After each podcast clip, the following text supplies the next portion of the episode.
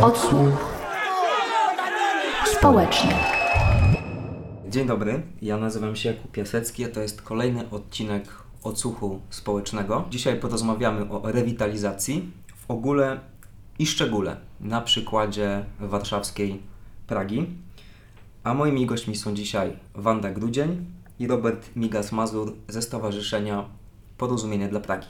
E, Wando, jak to się zaczyna?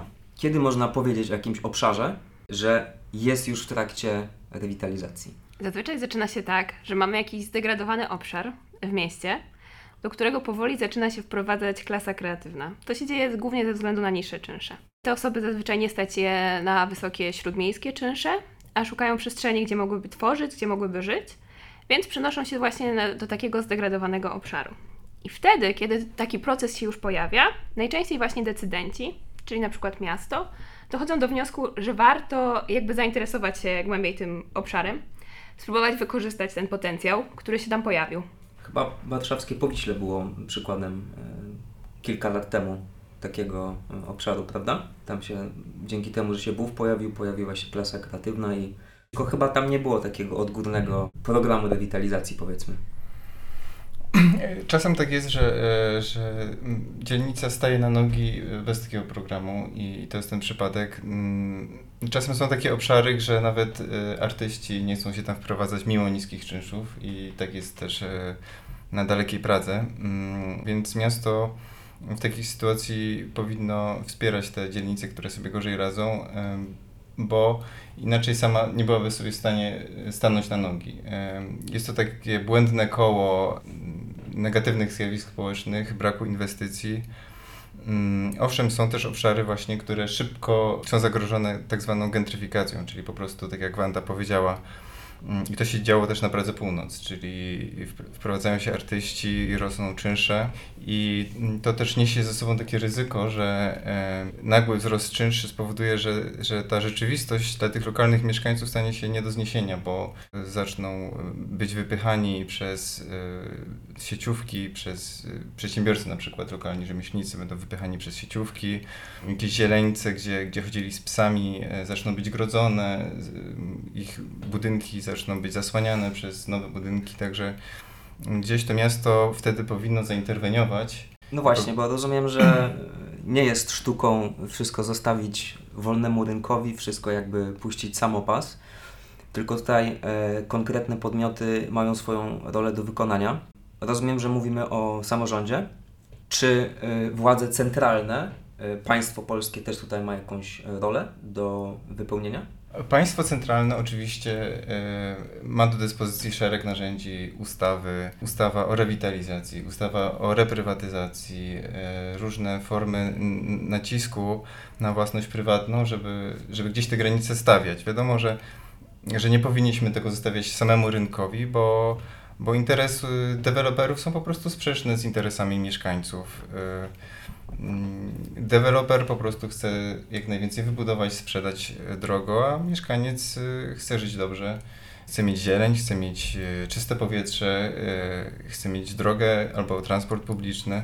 My w Warszawie żyjemy w takiej, moim zdaniem, o tyle komfortowej sytuacji, że uważamy, że Warszawę stać na to, żeby tą rewitalizację przeprowadziła samemu. Natomiast no, mam rodzinę na przykład na Śląsku albo w innych y, miastach i, i, i myślę, że tam całe, całe, tak duże obszary są zdegradowane, że, że pomoc władz centralnych tutaj mm, by się przydała. Czyli w Warszawie akurat y, można to przeprowadzić tylko siłami samorządu. Y, I Nawet właściwie... powinno się, mhm. bo, bo dodam jeszcze, że y, akurat te obszary zdegradowane są też z dużym zasobem komunalnym, co oznacza, że miasto jest właścicielem budynków, y, więc y, nawet z tego powodu rynek nie, nie wyremontuje czyjejś kamienicy y, za darmo, musi to zrobić miasto.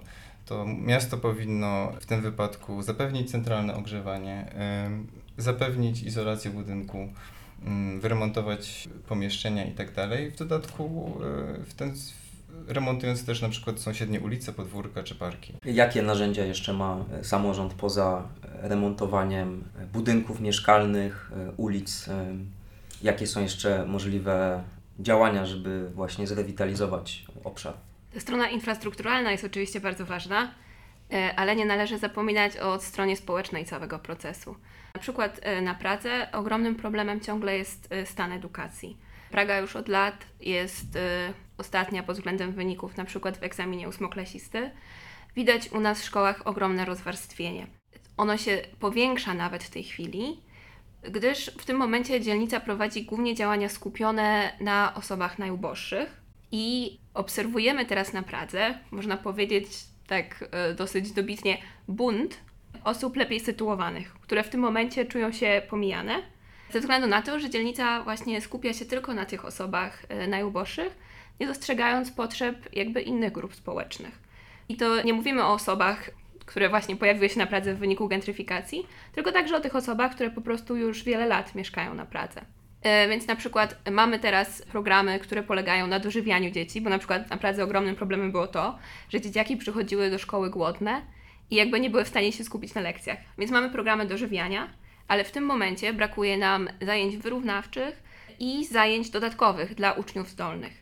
To widać też na przykład w wynikach konkursów przedmiotowych, które są prowadzone przez kuratorium, że inne dzielnice mają, duż, mają dużo więcej laureatów takich konkursów i finalistów niż właśnie Praga Północ. Y, to wynika właśnie z tego, że jakby y, skupiamy się y, na ciągnięciu jakby w górę tych, których są najniżej, ale nie wykorzystujemy jednocześnie tych talentów, które już mamy.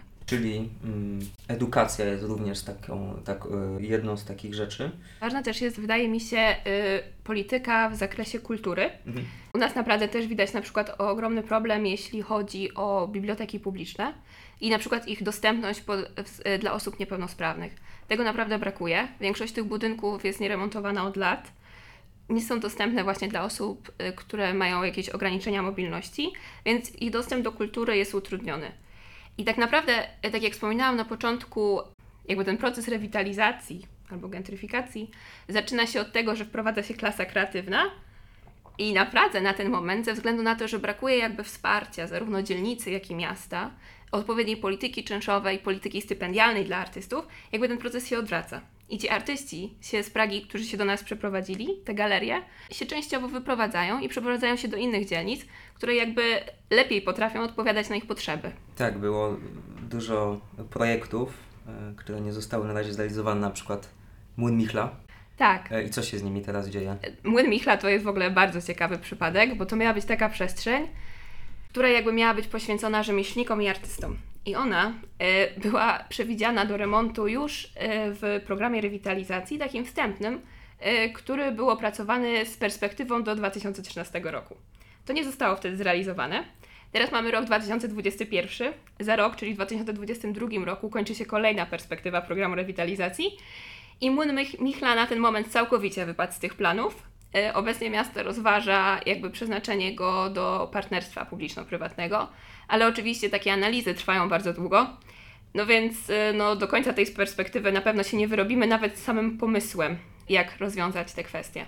A co z takimi e, projektami e, infrastrukturalnymi, powiedzmy bardzo, bardzo e, dużymi, na przykład takimi jak kładka pieszo-rowerowa pomiędzy Karową a Okrzei? Czy w procesie rewitalizacji powinniśmy się skupiać właśnie na takich projektach głównie? Czy to one są najważniejsze, czy no jednak przy ograniczonych środkach powinniśmy może mm, na mniej efektowne projekty to przeznaczać, e, ale na przykład na y, takie bardziej e, przyziemne i faktycznie z dnia na dzień poprawiające jakość życia mieszkańców. Jak to widzisz, mhm. Robert? Tak, to znaczy ja myślę, że kładka jest w ogóle tutaj super symbolem rzeczy, którą można się pochwalić w mediach, którą Praga potrzebuje, bo my sami lobowaliśmy zakładką, ale która kompletnie nie wpisuje się w program rewitalizacji. E, ona wręcz powoduje, mm, e, zwiększa zagrożenie e, gentryfikacji na Pradze, czyli jeszcze chętniej będą się sprowadzać nowi mieszkańcy. No i turyści. I czynsz, tak, i czynsze będą jeszcze bardziej rosły. Jeśli mieli, miałbym ten sam budżet przeznaczyć, który poszedł na kładkę, to można było za to wybrać baseny y, publiczne na Namysłowskiej. Można było wyremontować kilka ulic, które nie służą wszystkim y, turystom, ale też które służą mieszkańcom. Także to jest tak, że osoba lepiej sytuowana potrafi swoje potrzeby zrealizować sama. Może pojechać, teraz są baseny gdzieś Sundago, tam wziąć samochód, e, może posłać e, dziecko do lepszej szkoły prywatnej. Natomiast tutaj właśnie rolą samorządu jest zapewnienie tych podstawowych usług społecznych, ale też pewnej rekreacji wszystkim mieszkańcom, także tym gorzej sytuowanym. Także kompletnie te duże projekty infrastrukturalne, czy, czy to wymienimy salę koncertową, czy wymienimy...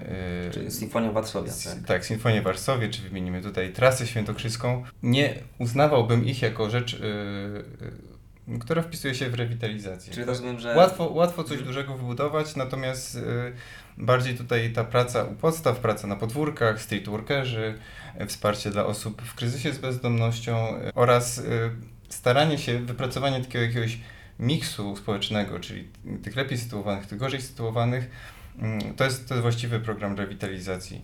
A Mm. praski trakt książęcy, jak się wpisuje w- to Twoje uszeregowanie? Czy to potrzebne, niepotrzebne?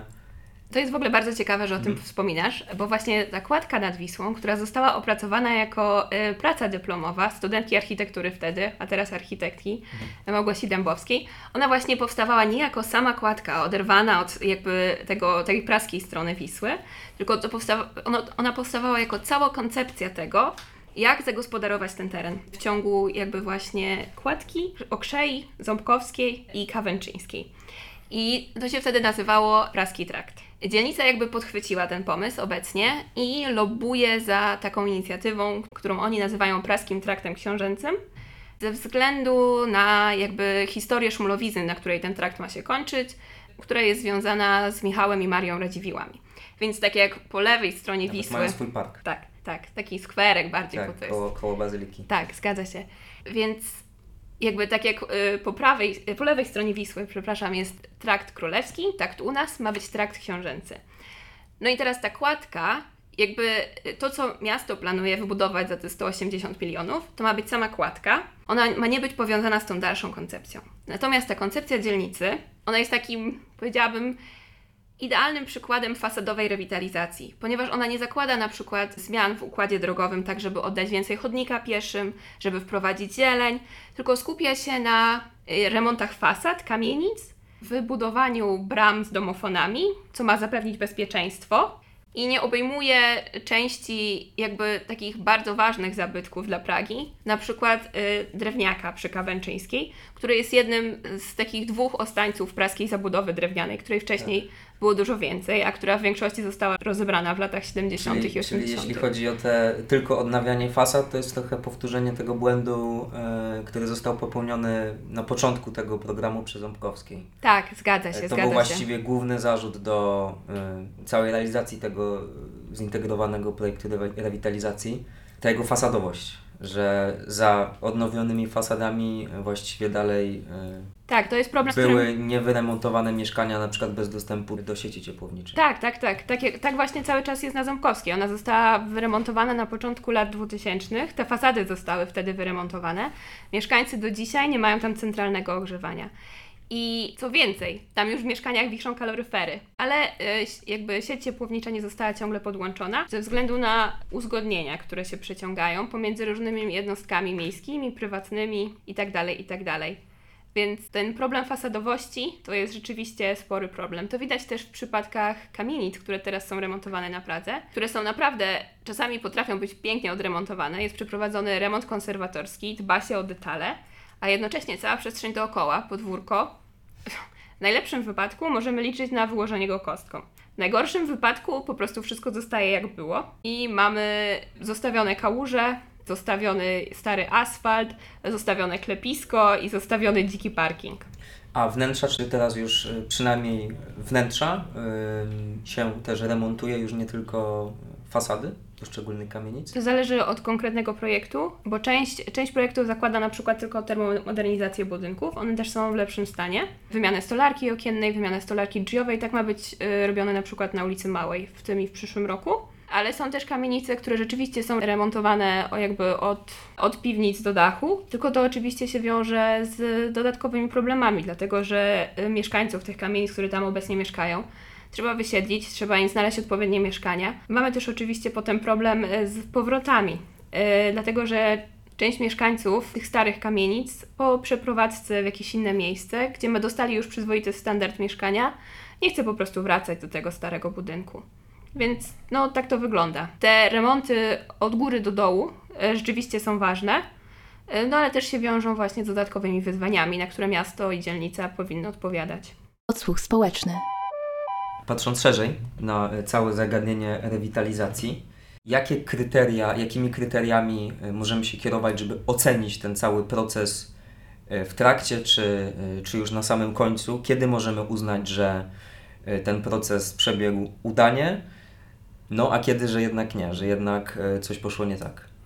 No to jest dobre pytanie. Mm, Na pewno mm, każdym programie rewitalizacji są wskaźniki e, re- rewitalizacji i warto na tych wskaźnikach się opierać. Wydaje mi się, że sukcesem nie jest, e, tak jak możemy na przykład obserwować, nie wiem, może Kazimierz w Krakowie, kiedy, mm, kiedy już mieszkańców nie ma, a żyją sami turyści. To trudno uznać to za sukces rewitalizacji. A jakiś pozytywny przykład z kolei w Polsce? Coś, coś się udało? Wydaje mi się, że jakby nie można mówić w Polsce o zakończonych procesach rewitalizacji, bo jakby to jest, wydaje mi się, jakby w Polsce jeszcze dosyć nowe pojęcie. Mm, Ta ustawa dotycząca rewitalizacji jest też stosunkowo nowa i te programy w, w miastach, które zdecydowały się uchwalić właśnie e, taki program rewitalizacji, one jakby te programy ciągle jeszcze są realizowane. W porównaniu do tego, jak rewitalizacja jest prowadzona w Warszawie, to ja na przykład bardzo cenię sobie Włocławek i O. to tak, to Nieoczywisty przykład. tak, to jest, to jest wyjątkowo nieoczywisty przykład, ale widać tam jakby to, czego mi brakuje tutaj w warszawskiej rewitalizacji, jakby widać taką koordynację prac pomiędzy różnymi jednostkami. Y, Widać też zaangażowanie we włączanie mieszkańców w ten proces. Więc jak ja na przykład obserwuję profil Rewitalizacja Włocławek na Facebooku, to jakby widzę, po kolei są ogłaszane przetargi na różne roboty budowlane No i właśnie, na bo różne chciałem remonty. zapytać, chciałem zapytać, jak właśnie mogą być e, włączani mieszkańcy w to, e, w proces rewitalizacji, do tak tego- żeby partycy- partycypowali. Ja zaraz do tego wrócę, jak to Włocławek robi, ale właśnie widać tam po prostu, że jeśli jest ogłaszany przetarg albo jest podawana jakaś informacja, to jest zawsze podawana w ten sposób. Realizujemy cel taki a taki z naszego programu rewitalizacji i w związku z tym robimy to i to. I teraz e, on też wydaje mi się, jakby w mojej ocenie, my oczywiście ani ja, ani Robert nie zajmujemy się zawodowo rewitalizacją, jesteśmy raczej praktykami ze względu na miejsce zamieszkania, czasem nawet krytykami. Ale zawsze konstruktywnymi. konstruktywnymi, właśnie raczej w stylu krytyków kulinarnych niż e, krytykantów. I tam we Włocławku powstała też taka specjalna e, kawiarnia, ona się nazywa Śródmieście Cafe, w której są prowadzone właśnie takie spotkania z mieszkańcami. Tam jakby zawsze jest e, wybierany partner, organizacja pozarządowa, co roku chyba to jest robione. I jakby tam są prowadzone różne działania, więc tam są na przykład prowadzone dyżury radnych, są prowadzone z mieszkańcami spacery po obszarze rewitalizacji, także spacery problemowe są prowadzone różne spotkania i rzeczywiście jakby widać, że jakby decydentom tam we Włocławku zależy na tym, żeby mieszkańcy byli włącz- włą- włączeni w ten proces, żeby jakby mogli się wypowiedzieć i jakby decydować, w którą stronę będą szły zmiany. Też mi się wydaje, że bardzo ważnym elementem tego programu we Włocławku, którego u nas trochę brakuje, jest to, że kładzie się też nacisk na współpracę z przedsiębiorcami. Więc tam są też na przykład specjalne y, konkursy dla przedsiębiorców, jakby zachęcające ich też właśnie do włączania się w lokalne działania.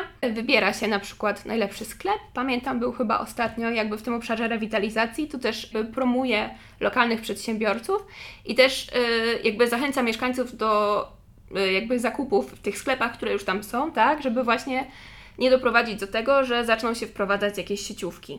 I też bardzo ważnym takim elementem, którego u nas brakuje, jest to, że tam jest taki specjalny program e, na remonty witryn sklepowych. Bo na przykład Warszawa przeprowadziła taki program wymiany szyldów. Wymieniono chyba, zaprojektowano wspólnie z Fundacją Traffic Design, zaprojektowano 10 nowych szyldów. Powieszono je jakby właśnie na obszarze rewitalizacji, który w Warszawie obejmuje Pragę Północ, Pragę Południe i Targówek. Więc jakby na taki obszar to nie było dużo, a potem miasto przez, no nie wiem, chyba półtora roku co jakiś czas robiło tą samą wrzutę do swoich mediów społecznościowych. Patrzcie, wymieniliśmy te szyldy. Tymczasem we Włocławku jest specjalny jakby fundusz na to, żeby przedsiębiorcy mogli się zgłaszać i remontować te swoje witryny e, w taki sposób, żeby to jakby one się stawały coraz bardziej estetyczne, żeby właśnie walczyć z reklamozą. W Warszawie na przykład opracowano natomiast taki przewodnik szyldowy dla przedsiębiorców, tylko że on jest zupełnie niewiążący. Na przykład y, zakłady gospodarowania nieruchomościami nie są zobowiązane do tego, żeby y, Się stosować do tego. tak, żeby jakby żeby wymagać od tych najemców lokali użytkowych, które jakby wynajmują różnym przedsiębiorcom, żeby się stosowali do tych wytycznych. W związku z tym jakby no, powstają u nas rzeczy na papierze, o których potem nikt nie pamięta, które trafiają do szuflady. I na przykład ten poradnik szyldowy to jest rzeczywiście bardzo fajne opracowanie, tylko mało kto o nim wie i prawie nikt z niego nie korzysta. Odsłuch społeczny. To ja może powiem jeszcze, bo mm, już zaczynamy trochę taką część, lekko zaczęliśmy krytyczną wobec miasta. E, ja może powiem, jakie były cztery filary tego obecnego pro, programu rewitalizacji na Pradze. Mhm. Pierwszym to był rozwój gospodarczy dzielnicy, e, drugim rozwój turystyki i ochrona dziedzictwa kulturowego.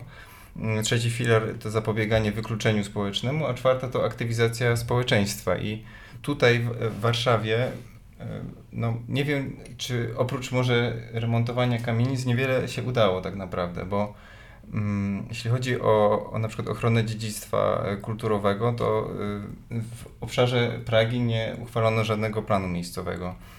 Jeśli chodzi o zapobieganie wykluczeniu społecznemu, Wanda już wspomniała, wyniki ośmiokresistów najgorsze w Warszawie.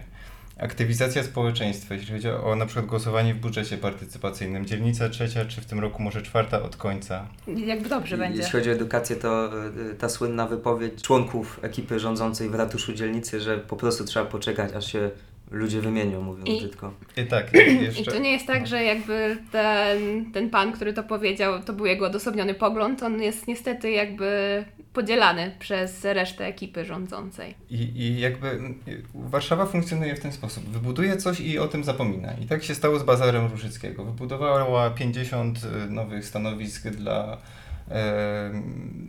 ludzi, którzy handlują i dwa z nich są teraz wynajęte na 50. Wbudowała jakieś centrum kreatywności targowa i tam praktycznie nikt nie funkcjonuje. Tak, znaczy jakby, ja ostatnio... Są jakby projekty czy budynki są oddawane, tak, huczna, no... huczna feta. Tak, ja przechodzę codziennie burmistrz, koło... burmistrz, burmistrzyni Pragi Północ, też, też prezydent Trzaskowski przyjeżdża, nagrywają tak, filmik na Face'a, a potem już nie wiadomo, potem już nie wiadomo co się dzieje tak. po prostu z tym. Tak, no ja mam koło siebie Centrum Młodych, ja tam nigdy nie widziałem żywej duszy w tym Centrum Młodych. Jakby bardzo dużo rzeczy, mam wrażenie, że jest tak realizowanych, żeby odhaczyć na kartce papieru, że to działa, to jest. Y, no my, my widzimy tą rzeczywistość, mieszkamy w tej dzielnicy, no jakby te problemy społeczne cały czas y, są i i no, tych obiektywnych wyników, takie jak egzamin ośmioklasistów, się nie oszuka, no, czy brak planów miejscowych. Mhm. Powoli kończąc, yy, chciałbym zadać odwieczne pytanie właśnie przy rewitalizacji, czy też yy, procesach gentryfikacji, o które też zahaczyliśmy. Czy to, że y, na obszarach właśnie tych yy, objętych rewitalizacją, typu Stara Praga Północ, czy, czy Szmulowizna bliska mojemu sercu, czy to, że budują się nowe e, apartamentowce, e, to dobrze czy źle, albo raczej jakie są, e, jakie mogą być z tego pozytywy, a jakie są zagrożenia. Ostatnio, tuż koło mnie zresztą, widzieliśmy jakie mogą być fizyczne zagrożenia, bo tam na, na Radzy Mińskiej fizycznie beton z budowy wlał się do, do kamienic komunalnych, które były obok, także no możemy zobaczyć, że no, już dosłowne wręcz zagrożenia mogą być. E, na szczęście nikomu nic się nie stało. E, ale jakie mogą być też zagrożenia, powiedzmy, już nie takie dosłowne, tylko takie społeczne i szanse? Mhm. Znaczy, ja myślę, że mm, pewny, pewny stopień gentryfikacji, czy też napływu nowych mieszkańców jest bardzo korzystny, bo ludzie się poznają z różnych kultur, z różnych tam, pochodzą z różnych y, środowisk i, i Oczywiście rodzi to pewne napięcia, ale, ale jest to wskazane, e, pewien taki miks społeczny. Mm, ja w ogóle myślę o tym, że deweloperzy powinni budować apartamentowce i na przykład 20 czy 40%, no może 40 nie, ale 20% tych mieszkań udostępniać właśnie e, ludziom o niższych zarobkach, na przykład w formie jakichś tam mieszkań społecznych czy komunalnych. Mm, a zarazem część tych y, komunalnych mogłoby być właśnie zajmowanych przez ludzi E, powiedzmy nieco lepiej usytuowanych, także żeby ten, ten miks jak, jak najbardziej się sprawdzał. Mm, no, to, co obserwuję obok, obok siebie na Stalowej, jest tam nowa inwestycja i mieszkańcy, nowi, którzy się tam wprowadzają, bardzo protestują przeciwko temu, że ci którzy tam byli, przebywają w ogóle na tym podwórku, jakby oni chcą się ogrodzić, oni w ogóle jakby oczekują ciszy, że, że tu w ogóle jak może jakieś dziecko przyjść na hulajnodze i jeździć. Także mm, no my oczywiście jesteśmy przeciwni temu grodzeniu. Y, Jest to miasto, jakby tutaj powinniśmy się uczyć funkcjonować wokół siebie, co nie zmienia faktu, że no, po 22 no ta cisza nocna powinna, powinna być. Także rolą też miasta jest gdzieś w tych konfliktach pośredniczyć i, i je rozwiązywać, a nie chować głowę w piasek, jak to robi na przykład y, dzielnica. Nie, może Wanda chcesz coś dodać jeszcze? Tak, mi się wydaje, że jakby taka gentryfikacja w klasycznym y, rozumieniu tego słowa naprawdę się nie wydarzy, ze względu na to, że mamy bardzo duży zasób y, jakby mieszkań komunalnych. Więc jakby jak się pospaceruje na przykład po, po Szmulowiźnie, po Nowej Pradze, to widać, że bardzo wiele kamienic należy w większości albo w całości właśnie do miasta. Nie ma też takiej jakby fizycznej możliwości, nie ma tyle wolnego terenu, żeby nagle powstało tyle apartamentowców.